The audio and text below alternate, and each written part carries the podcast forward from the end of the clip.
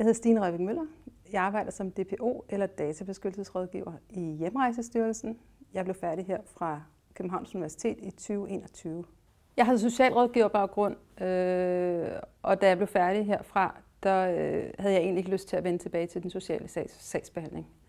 Øh, mange af de jobs, øh, der blev slået op, var sådan noget i kommunerne, hvor man skulle lave lidt social sagsbehandling, og så samtidig lave noget juridisk arbejde.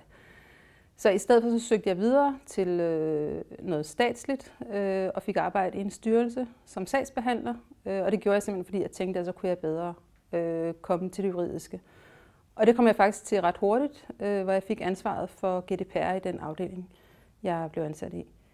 Øh, og så var jeg så, så heldig efter tre kvart år der, at jeg blev tilbudt stillingen som DPO. Det var lidt af et tilfælde, at jeg kom til at arbejde med databeskyttelse. På studiet skrev jeg speciale om, hvordan GDPR påvirker den sociale sagsbehandling, og i den forbindelse fandt jeg faktisk ud af, hvor fantastisk databeskyttelsesforordningen er. Så da jeg øh, blev tilbudt den her stilling, var jeg ikke særlig længe i tvivl om, at det var det, jeg gerne ville.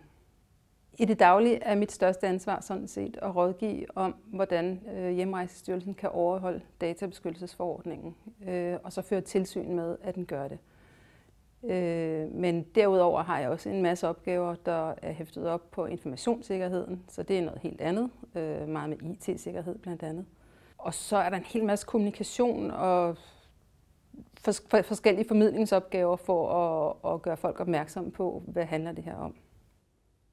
Jeg var temmelig begejstret for alle mine fag på kandidatuddannelsen, men andet semester står lysende skarpt for mig. Det var virkelig øh, fedt. Der havde vi juridisk metode og juridisk kommunikation. Øh, det er begge to fag med sådan nogle helt konkrete hands-on metoder, som vi fik lov til at afprøve rigtig meget.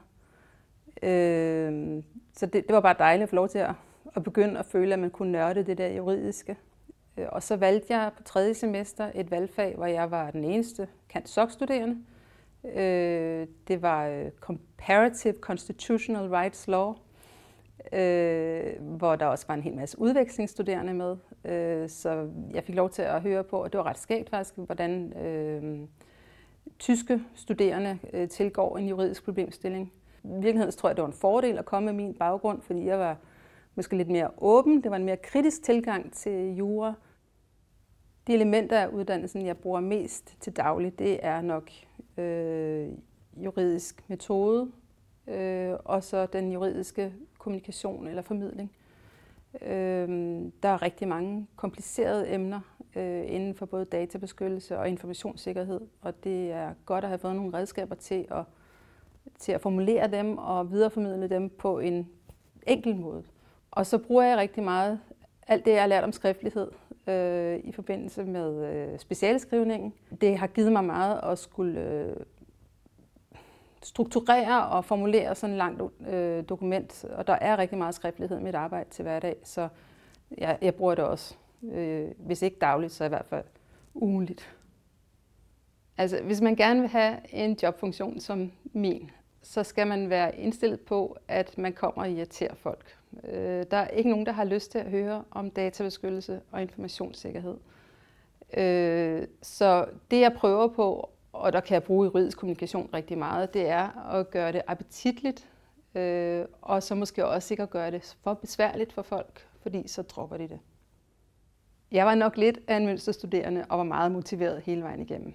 Øh, men hvis jeg skulle gøre noget om, så ville jeg nok på første semester være kommet i gang med nogle af de skriftlige opgaver, lidt før. Der var rigtig mange skriftlige opgaver, og man lærer rigtig meget af at skrive dem, og de bliver bedre hen ad vejen. Øh, vi skulle aflevere nogle af dem til eksamen, øh, og jeg ville gerne have haft mulighed for at vælge mellem flere opgaver til sidst. Så kom i gang med dem med det samme. Mine tre bedste råd til en ny studerende på KantSok, det vil nok være for det første at være nysgerrig og stille spørgsmål. Det får man meget mere ud af. For det andet, mød op til undervisningen, deltag aktivt. Og så for det tredje, brug underviserne. De er super engagerede.